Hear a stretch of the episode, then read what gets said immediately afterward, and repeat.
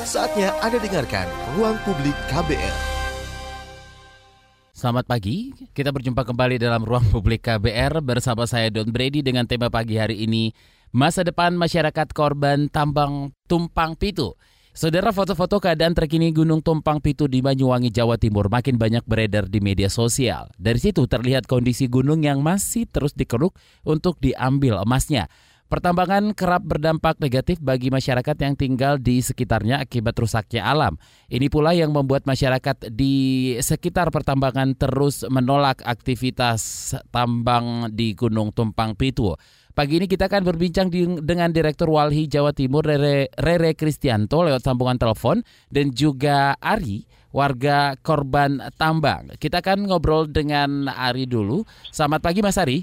Selamat pagi. Iya, apa kabar Mas Ari? Baik, baik, terima kasih. Oke, foto-foto keadaan terkini tum, Gunung Tumpang Pitu di Banyuwangi, Jawa Timur makin banyak beredar di media sosial nih Mas Ari. Dan Walhi Jawa Timur aktif mendampingi masyarakat di sana. Bisa diceritakan kepada pendengar seperti apa kondisi terkini pertambangan emas di Tumpang Pitu?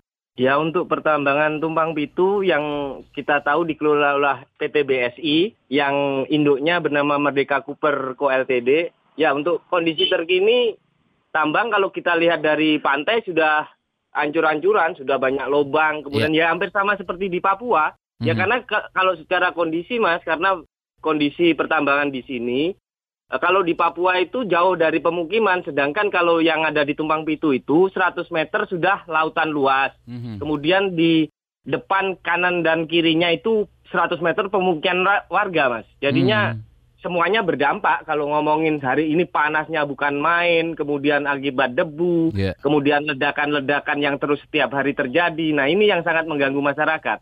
Hmm, Oke, okay. baik. Um, kita sapa dulu uh, Rere Kristianto, Direktur Walhi Jawa Timur. Selamat pagi, Mas Rere. Selamat pagi, Mas. Eh, iya, oke. Okay. Mas Rere, saat ini saya ber, sedang berbincang dengan Mas Ari, warga di um, Gunung Tumpang Pitu, Banyuwangi, Jawa Timur ya. Um, kembali ke Mas Ari, aktivitas uh, tam pertambangan tetap berjalan meski ada protes dari warga yang meminta tambang dihentikan. Sampai saat ini seperti apa upaya yang terus-menerus dilakukan masyarakat di sekitar tambang agar pertambangan dihentikan nih Mas Ari?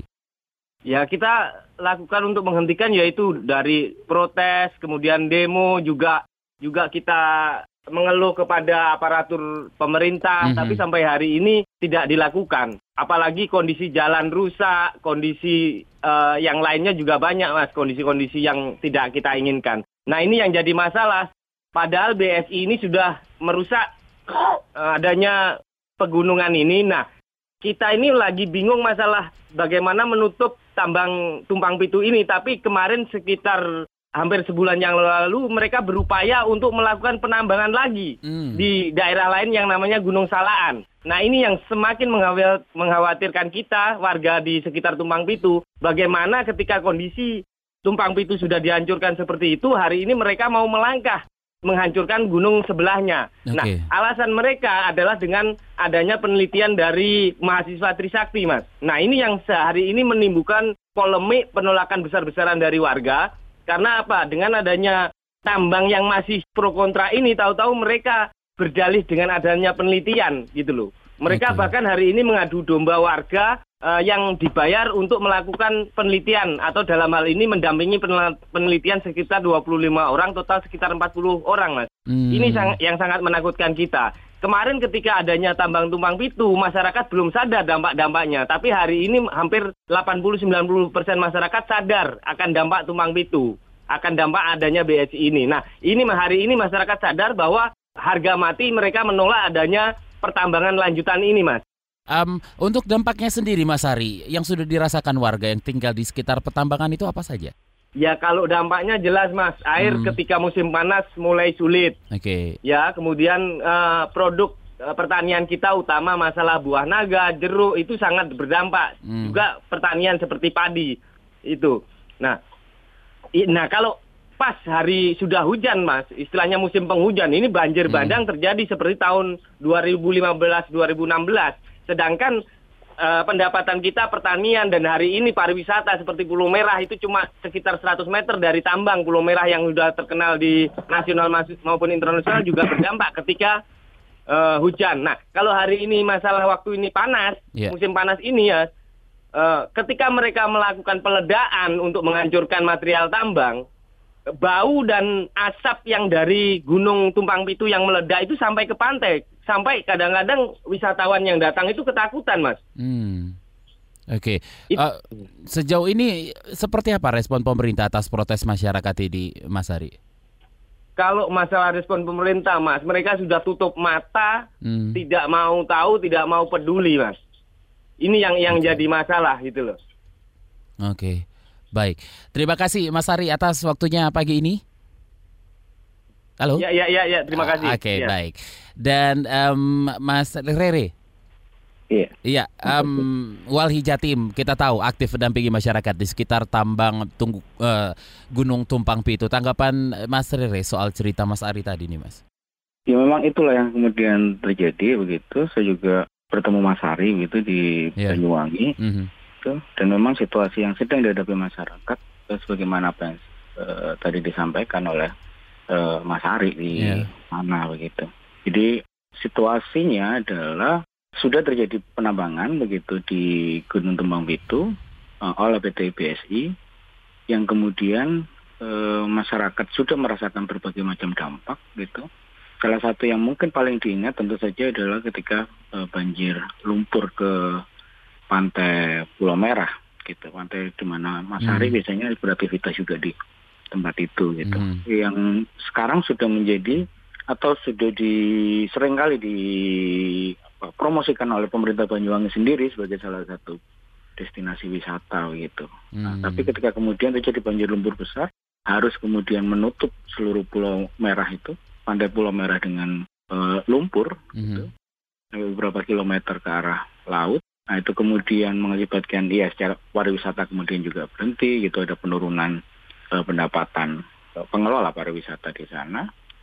Untuk para nelayan juga kemudian dia me- mematikan eh, apa pendapatan mereka banyak ikan yang kemudian eh, mati produktivitas nelayan juga kemudian turun. Eh, bagi para petani juga kemudian berapa kali kemudian mereka terendam eh, kawasan pertaniannya gitu. Jadi telah muncul berbagai dampak ekologis akibat dari pertambangan ini. Oke. Nah, sekarang kemudian mereka berkembang lagi hendak melakukan perluasan eh, tambangan eh, yang dilakukan oleh anak perusahaan Cooper Gold yang lain yaitu PT DSI di Gunung Salaan. Ya, tentu saja ini semakin membuat warga resah gitu kan. Sudah melakukan pertambangan di eh, Gunung Temang Pitu, kemudian sekarang mau ditambah lagi melakukan eksplorasi ke kawasan eh, Gunung Salaan. Hmm. Dampaknya kerusakan eh, lingkungan ini apakah hanya membawa pengaruh terhadap keadaan lingkungan, tapi apakah juga ada dampak ekonomi dan sosial yang dialami masyarakat, Mas Rere? Tentu saja tadi eh, kan begini, masyarakat Hmm, ada hmm. di sana sebenarnya sudah mengembangkan eh, apa ekonomi mereka sendiri gitu melalui eh, perikanan tangkap, nelayan gitu, melalui pertanian. Buah naga itu adalah salah satu apa produk eh, utama gitu dan sudah menghasilkan apa, pendapatan yang sangat besar untuk eh, warga di sana gitu. Nah, tapi ketika kemudian terjadi banjir, banjir lumpur berkali-kali, eh, kemudian debu, asap, eh, hasil ledakan dan juga karena aktivitas lalu lalang eh, kendaraan berat keluar dan masuk tambang begitu mengakibatkan juga kerusakan jalan kerusakan jalan kemudian mengakibatkan orang enggan gitu ke daerah pariwisata yang juga menjadi salah satu sumber pendapatan eh, warga. Nah itu tentu saja kemudian semakin menurunkan apa pendapatan yang didapatkan oleh warga dari ekonomi-ekonomi yang dulu sudah berkembang Hmm. eh, cukup baik begitu. Hmm. Termasuk juga eh, apa namanya pariwisata yang juga dipromosikan pemerintah nih Mas ya. Tapi di satu sisi Iya. pertambangan mengganggu pariwisata. Seperti apa tanggapan pemerintah soal ini? Saya belum tahu gitu. Hmm. Eh, ya ini kan sudah dijabarkan oleh warga. Warga sudah bertemu berkali-kali dengan eh, pemerintah gitu. Iya kalau ada pernyataan apa tanggapan pemerintah yang mungkin harus ditanyakan kepada mereka. Kenapa mereka Hmm. sampai sekarang eh, masih bungkam gitu, masih diam. Hmm, Oke. Nah, em, bila pertambangan ini terus menerus terjadi di Tumpang Pitu nih, Mas Rere, masa depan seperti apa yang bakal dihadapi masyarakat? Iya tentu saja perluasan dari kerusakan ekologis itu tadi. Kita tahu bahwa Gunung Temangpitu itu menjadi uh, hulu gitu uh, untuk kebutuhan air juga yeah. bagi warga sekitar gitu. Hmm. Sekarang warga berapa sudah mulai mengeluh kemarin ketika musim uh, kering kemarin apa, sumur itu udah mulai uh, kering di tempat mereka gitu. Hmm. Nah kemudian kalau terus menerus Eh, kawasan hutan di atasnya juga uh, terus menerus dibabat di Gunung Temanggung itu tentu saja krisis ekologisnya akan terus berkembang gitu. Nah kalau itu ditambah lagi nanti ke Gunung Salaan, tentu saja masyarakat yang di tengah-tengah ini kan semakin terkepung begitu. Gunung di sebelah di Tumpang itu di uh, eksploitasi gitu. Gunung, gunung di Salaan mulai sekarang dieksplorasi, tidak menutup kemungkinan kemudian melanjut ke eksploitasi si semakin habis syarat-syarat atau wilayah-wilayah yang secara ekologis penting untuk uh, masyarakat ada di sana gitu. Nah harus diketahui juga bahwa Gunung Temangpit itu punya banyak sekali fungsi gitu. Hmm. Uh, yang pertama dia itu uh, benteng alami dari ancaman bencana di sekitar situ. Nah masyarakat di Pancer itu ingat betul bagaimana tsunami uh, tahun 94 gitu pernah terjadi yang mengakibatkan sekitar 200 orang meninggal. Nah, salah satu benteng utamanya adalah Gunung Tumpang Pitu gitu. E, ketika kemudian tsunami terjadi, benteng, e, Gunung Tumpang Pitu itu menjadi e, penyangga begitu sehingga e, tsunami tidak masuk terlalu jauh. Nah, itu pun sudah mengakibatkan 200 sekitar 200 orang meninggal. Apalagi kalau kemudian Gunung Tumpang Pitu ini dikeruk habis begitu yeah. sehingga tidak ada lagi penyangga untuk mereka. Yang kedua dia juga penyangga dari uh, angin kencang. Uh, warga itu mengenal ada yang disebut sebagai angin tenggara di sana. Hmm. Nah, Gunung Tuam itu juga menjadi benteng untuk ketika musim angin kencang itu terjadi gitu.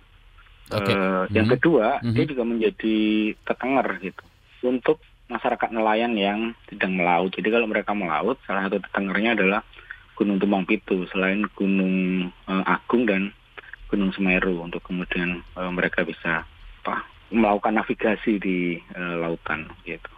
Oke, Mas Rere, nanti kita akan sambung. Kita harus break dulu ya. Jangan ke mana-mana, tetap okay. di ruang publik KBR.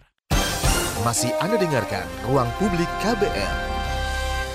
Anda masih mendengarkan Ruang Publik KBR bersama saya Don Brady dengan tema pagi hari ini masa depan masyarakat korban tambang tumpang pitu. Dan saya masih bersama Rere Kristianto, Direktur Walhi Jawa Jawa Timur maksud saya. Mas Rere? Iya. Oke. Um, saat ini kita tahu akan segera masuk musim penghujan. Upaya pencegahan apa yang bisa dilakukan masyarakat yang uh, agar kejadian seperti di 2015 yang pernah uh, banjir lumpur tidak terjadi lagi di Mas Rere? Waduh, iya nggak mungkin kalau itu harus ditanyakan apa yang harus dilakukan hmm, hmm. masyarakat sementara kawasan gunungnya terus menerus dibuka begitu atau di yeah. Iya. uh, apa uh, ditambang. Iya, hmm. masyarakat tentu saja ya akan terus menerus resah karena mereka punya memori kejadian-kejadian itu gitu. Hmm. Kemudian aktivitasnya masih terus berjalan. Hmm. Ya kak, kalau pertanyaannya adalah apa yang harus dilakukan masyarakat tentu saja nggak terlalu banyak kecuali berharap tidak akan lagi ada itu ya mereka hanya bisa berharap dan berdoa.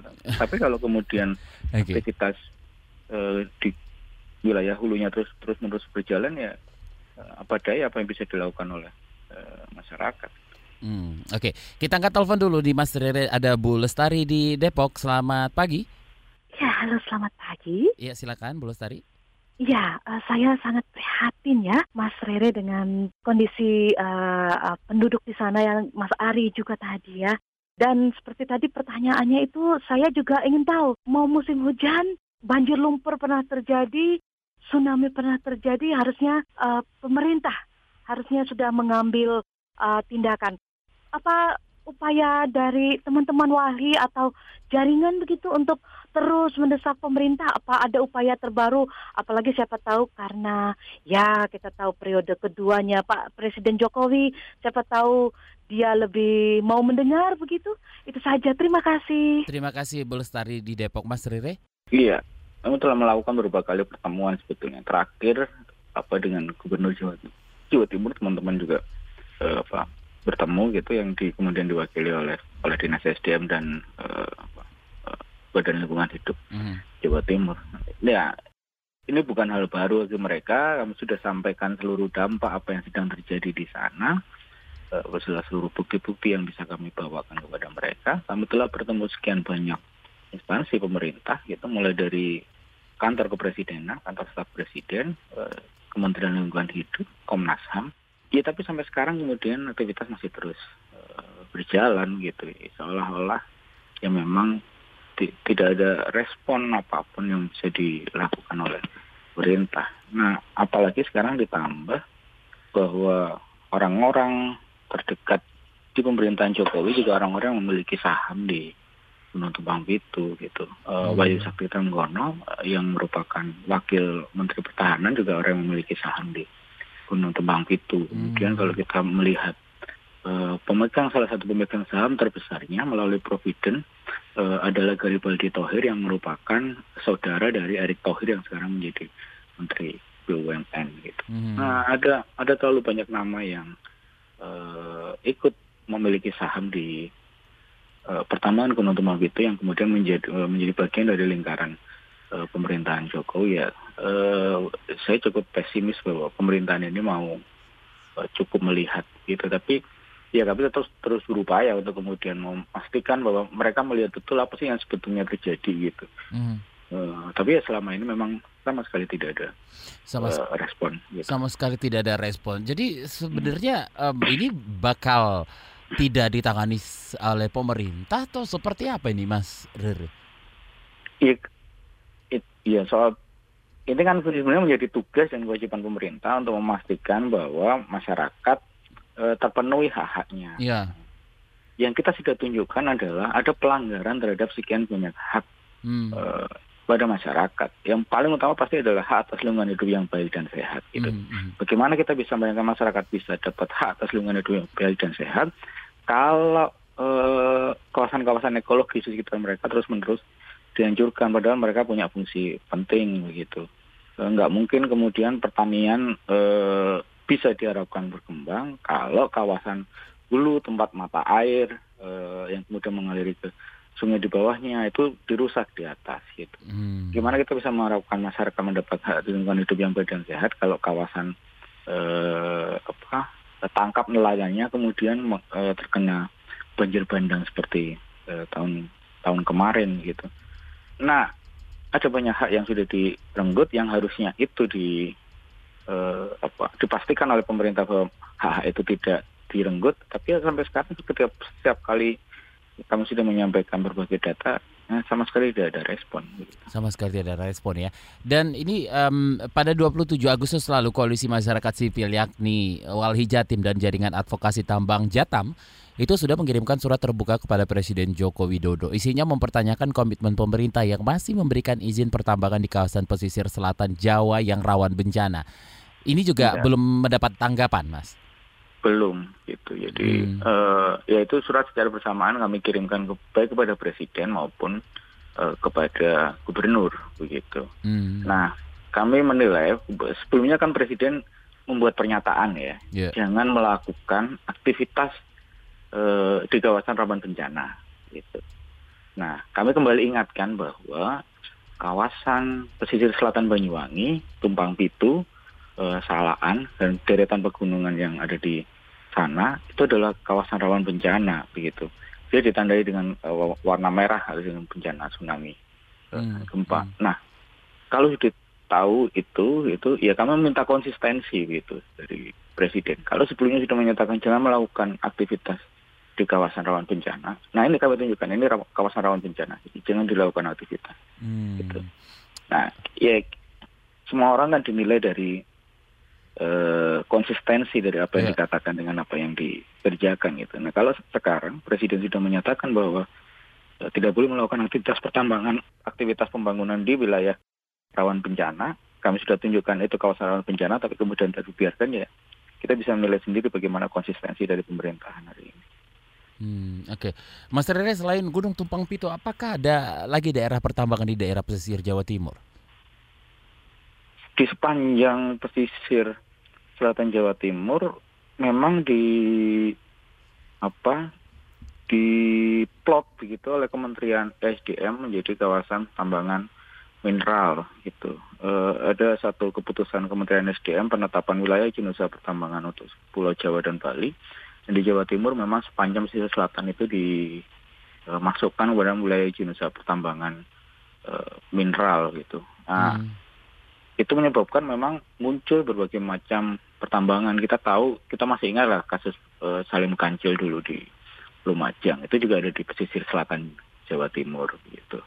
Nah kemudian terbaru itu Tanggale itu juga di Kabupaten Trenggalek juga dikeluarkan satu konsesi e, pertambangan emas juga yang luasannya sangat fantastis yaitu 30 ribu hektar begitu. Sementara luas Kabupaten Trenggalek itu totalnya sekitar 120 ribu hektar. Itu, itu artinya kira-kira seperempat lah wilayah Kabupaten Trenggalek itu diberikan untuk konsesi hmm. e, pertambangan gitu. Nah, hmm. hampir semuanya di pesisir selatan Jawa Timur. Hmm, Oke. Okay. Dan um, apa namanya? Tadi kembali lagi ke soal kabinet kerjanya Presiden Joko Widodo. Tadi sempat disinggung juga hmm. oleh uh, Mas Rere. Ada beberapa yang punya kepentingan di tambang Pitu ini. Tumpang Pitu maksud saya. Dan um, ada dua nama baru yang berkaitan dengan lingkungan di uh, sumber daya alam di kabupaten eh, di kabinet maksud saya Presiden Jokowi. Ada Alwi Alwe Dohong sebagai wakil menteri KLHK dan wakil menteri ATR BPN Surya Chandra. Kalau Mas Rere sendiri melihatnya terpilihnya kedua orang ini sebagai wakil menteri seperti apa, Mas? Hmm, Iya, kalau dua orang itu saya belum apa uh, belum melihat track record lainnya ya. Hmm. Uh, bagi saya saya tidak memiliki catatan apa pun untuk dua nama yang disebutkan tadi. Tapi kalau secara umum uh, Kementerian LHK itu ya sudah mendengar kasus ini cukup panjang begitu. Uh, ada beberapa kali audiensi yang dilakukan oleh masyarakat. Uh, kementerian ada laporan resmi yang dibuat oleh masyarakat ke kementerian. Mm -hmm. uh, kementerian sendiri sudah menurunkan tim untuk datang. Iya, tapi dia tidak uh, dia tidak berlanjut di apa-apa gitu laporan-laporan itu. Hmm. Oke, okay. baik, Mas Rere, uh, kita harus break lagi. Jangan ke mana-mana, tetap di ruang publik KBR ya.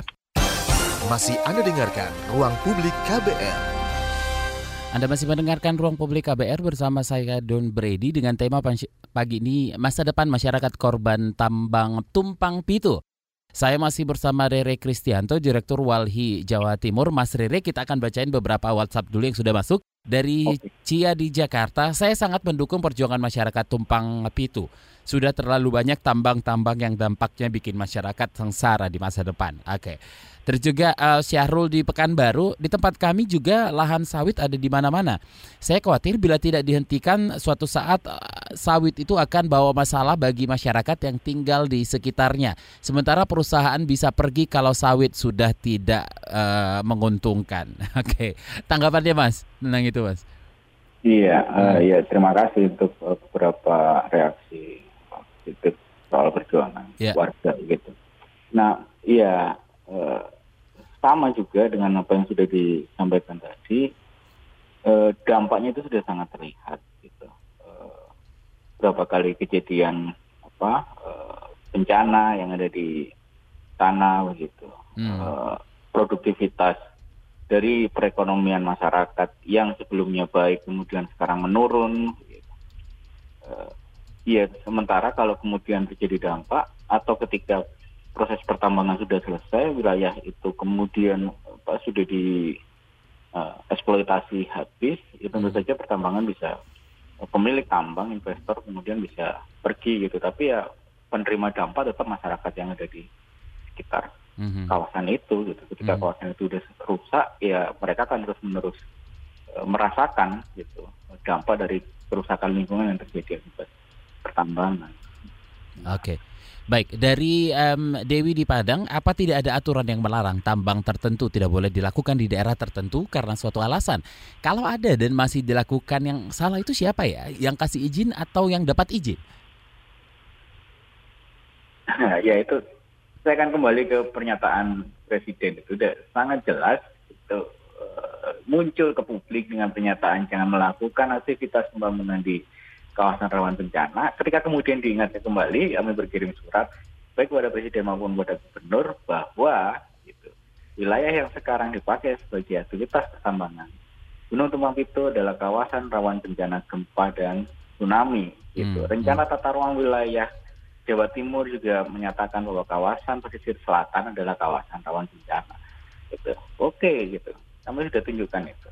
Nah, tapi kalau kemudian uh, pernyataan sudah disampaikan dan tidak ada respon juga, nah, kita melihat bahwa memang tidak ada konsistensi. Gitu. Hmm. Uh, yang kedua, memang ada celah-celah uh, yang kemudian dipakai.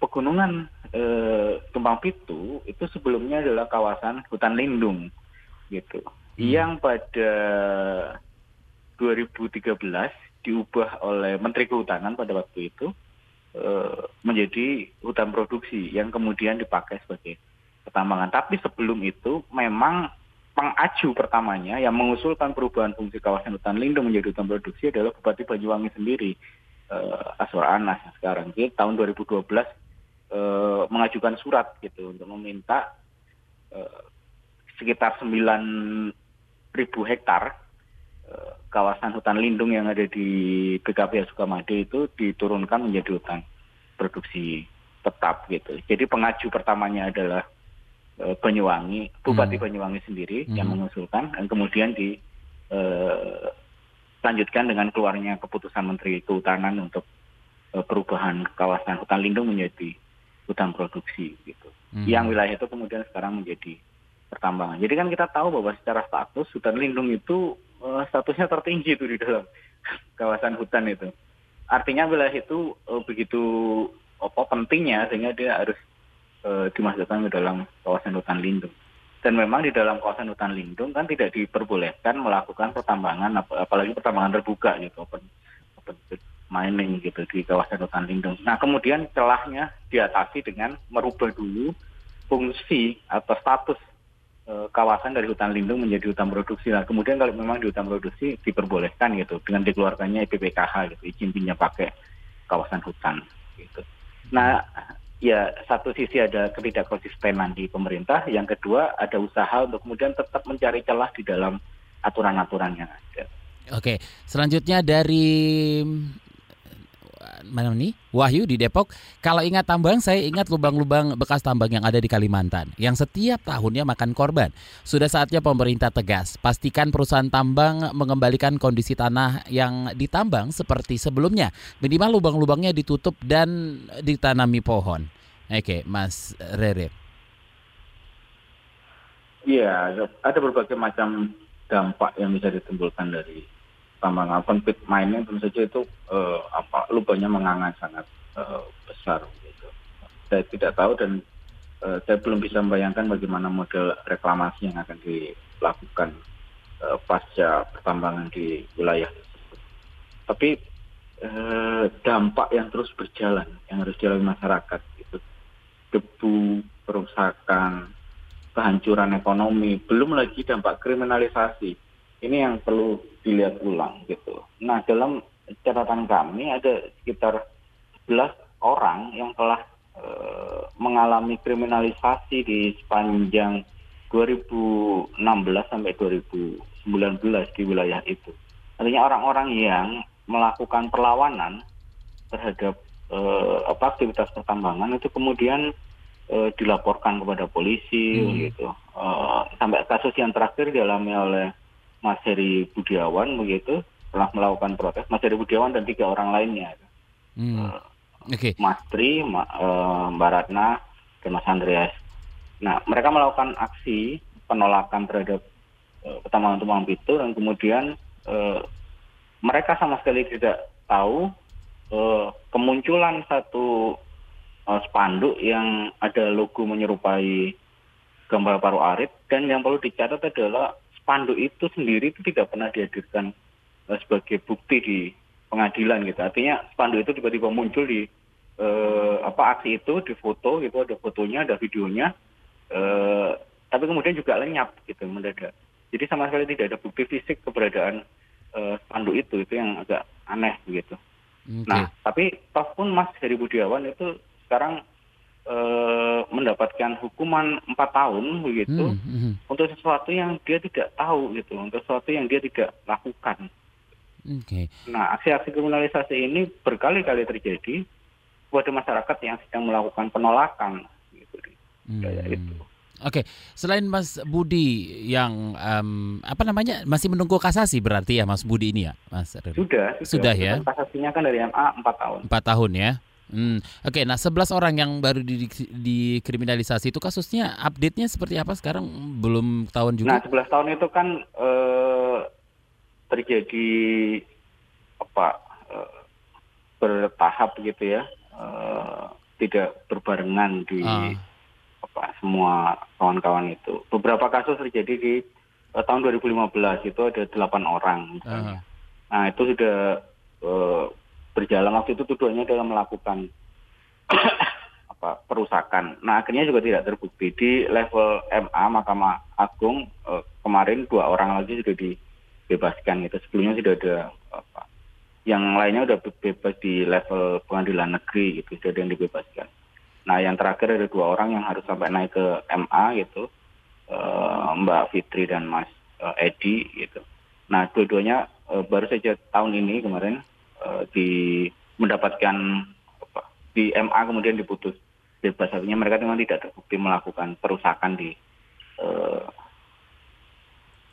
di wilayah pertambangan itu gitu. Nah, tapi kan ya, kalau tekanan kriminalisasi itu terus berjalan, tentu saja kan masyarakat juga mereka kan hanya sedang berusaha untuk menyatakan mereka menolak pertambangan itu.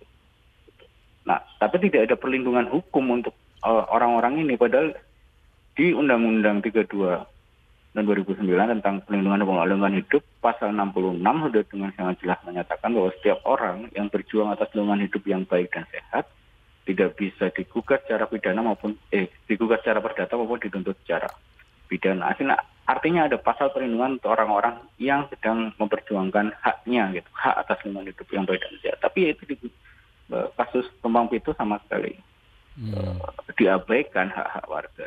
Oke, dari uh, WhatsApp dari Siska di Jogja, konflik lahan makin banyak terjadi. Sudah saatnya kita punya uh, undang-undang pertanahan yang berpihak pada rakyat. Gimana Mas Rere?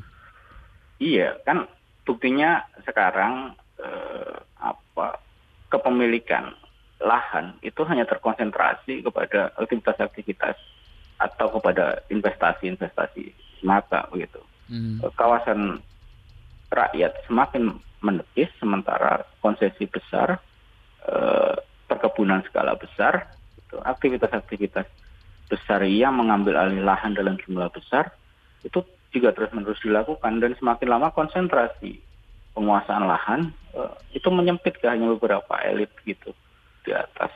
Nah, Hmm. ya bagaimana kita bisa membayangkan satu bentuk reformasi agraria kalau pemberian akses tanah secara besar-besaran semakin banyak diberikan kepada eh, investasi apalagi sekarang dengan ide untuk mempermudah eh, investasi, masuk malah ada ide untuk menghilangkan AMDAL itu eh, dalam pengurusan izin, nah itu semakin memperparah situasi gitu. AMDAL itu pertama kali dipakai untuk meminimalisir eh, dampak lingkungan itu kenapa dia eh, menjadi salah satu hal penting itu. Nah kalau AMDAL saja dan izin lingkungan hendak dihilangkan dari proses perizinan, itu kan semakin menunjukkan bahwa di sebenarnya pemerintah ini tidak berpihak kepada kepentingan eh, masyarakat untuk mendapatkan hak atas lingkungan hidup yang baik dan Hmm. sehat gitu. Hanya berpikir soal bagaimana investasi datang gitu masuk. Padahal ekonomi sebaik apa pun, relasi sosial sebaik apa pun tidak mungkin bisa tumbuh di wilayah yang secara ekologis rusak. Bagaimana masyarakat bisa mengembangkan ekonomi, bisa mendapatkan ekonomi yang baik kalau tanahnya saja nggak bisa ditanamin, kalau airnya teracuni, begitu, kalau udaranya nggak bisa dihirup. Hmm, mhm. Oke, baik. Mas Rere ini masih ada beberapa WhatsApp yang harus kita bacain, tapi kita harus break lagi nanti di segmen terakhir ya. Jangan ke mana-mana, tetap di ruang publik KBR. Masih Anda dengarkan Ruang Publik KBR. Kita sudah di segmen terakhir Ruang Publik KBR bersama saya Don Brady dengan tema pagi hari ini masa depan masyarakat korban tambang tumpang pitu. Dan saya masih bersama Rere Kristianto, Direktur Walhi Jawa Timur, disambungkan telepon. Mas Rere, Iya. Iya, ini masih ada beberapa WhatsApp yang kita bacain dari Maya di Manado. Pemerintah sepertinya tidak terlalu memikirkan dampak-dampak tambang. Izin diberikan sembarangan. Izin tambang ini tanggung jawab pemerintah daerah atau nasional? Dia berbeda-beda gitu. Nah, Ah. kalau untuk tumpang itu eh, izin usaha pertambangannya tentu diberikan oleh eh, pemerintah daerah gubernur dalam hal ini yang mengeluarkan eh, apa IUP gitu untuk pertambangan di Tumpang Pitu. Hmm. Tapi wi- wilayah izin usaha pertambangan secara umum penetapan WIUP dilakukan oleh eh, Kementerian eh, ESDM di nasional. Hmm. Dan memang ada ada apa pembagian eh, wewenang di masing-masing dalam penetapan. Ah, Tapi intinya begini, penetapan itu semuanya kan dilakukan secara eh, elitis gitu ya, dilakukan oleh pemerintah tanpa kemudian eh, menggali atau meminta persetujuan dari warga. Kalaupun ada sosialisasi, sosialisasi itu dilakukan ketika izinnya juga kemudian sudah keluar. Hmm. Di masyarakat eh, ketika kemudian melakukan penolakan terhadap itu, apa yang mereka hadapi adalah yang tadi saya sebutkan kriminalisasi. Iya. Oke. Baik, di dari Nanang di Surabaya. Tadi katanya Gunung Tumpang Pintu Tumpang Pitu adalah hutan lindung, tapi saya lihat foto-fotonya eh, dan nggak ada hutan-hutan yang terlihat seperti itu. Apa memang sudah tidak ada mas hutan lindung ya mas Rere? Iya, kan hutan lindung itu dulu gitu. Eh, di tahun 2012 eh, Bupati Banyuwangi mengajukan apa permohonan untuk merubah fungsi gitu menjadi hutan produksi 2013 diberikan eh, apa surat keputusan untuk perubahan fungsi dari Menteri Kehutanan pada waktu itu Mhm. Eh, kemudian dikeluarkan izin usaha pertambangan di wilayah yang sudah dirubah dari hutan lindung menjadi hutan produksi, hutannya dibabat, dikeruk, sekarang sudah menjadi area pertambangan, ya sekarang nggak terlihat lagi ada hutannya, memang sudah menjadi area pertambangan, bukan lagi Oke. hutan lindung. Oke, dari Tri di Jakarta terkait pertambangan eh, termasuk tumpang pitu, banyak sekali aturan yang dilanggar. Tidak hanya aturan terkait aturan tambang, tapi juga hak-hak warga yang membela hak-haknya. Oke, Em, eh, Mas Rere, Presiden kita tahu Presiden Jokowi di periode kedua ini ingin memuluskan masuknya investasi ke Indonesia. Apa yang harus dilakukan agar masuknya investasi tidak membuat masyarakat menjadi korban seperti yang dialami sekarang ini? Ya, yang paling utama adalah mencari tahu apa yang diinginkan oleh masyarakat di Hmm. sekitar area apa pun yang dilakukan pembangunan itu gitu. Apakah betul aktivitas itu yang dibutuhkan oleh masyarakat gitu? Apakah kalau kita mau ngomong soal pertumbuhan ekonomi gitu, apakah ekonomi yang sekarang sedang dikembangkan oleh masyarakat melalui berbagai bidang begitu, baik perikanan, eh, pertanian, pariwisata yang sekarang sedang berjalan itu tidak dianggap sebagai aktivitas ekonomi yang memberikan sumbangsih kepada Hmm. kesejahteraan masyarakat gitu. Kalau menghitungnya hanya bahwa banyak investasi yang masuk tanpa mempertimbangkan bahwa masyarakat sendiri sudah mengembangkan ekonomi gitu dalam versi mereka yang dianggap telah mensejahterakan mereka, ya maka kita hanya melihat e- ekonomi itu secara sempit gitu. Ekonomi hanya dipandang dari sebuah banyak investasi mata.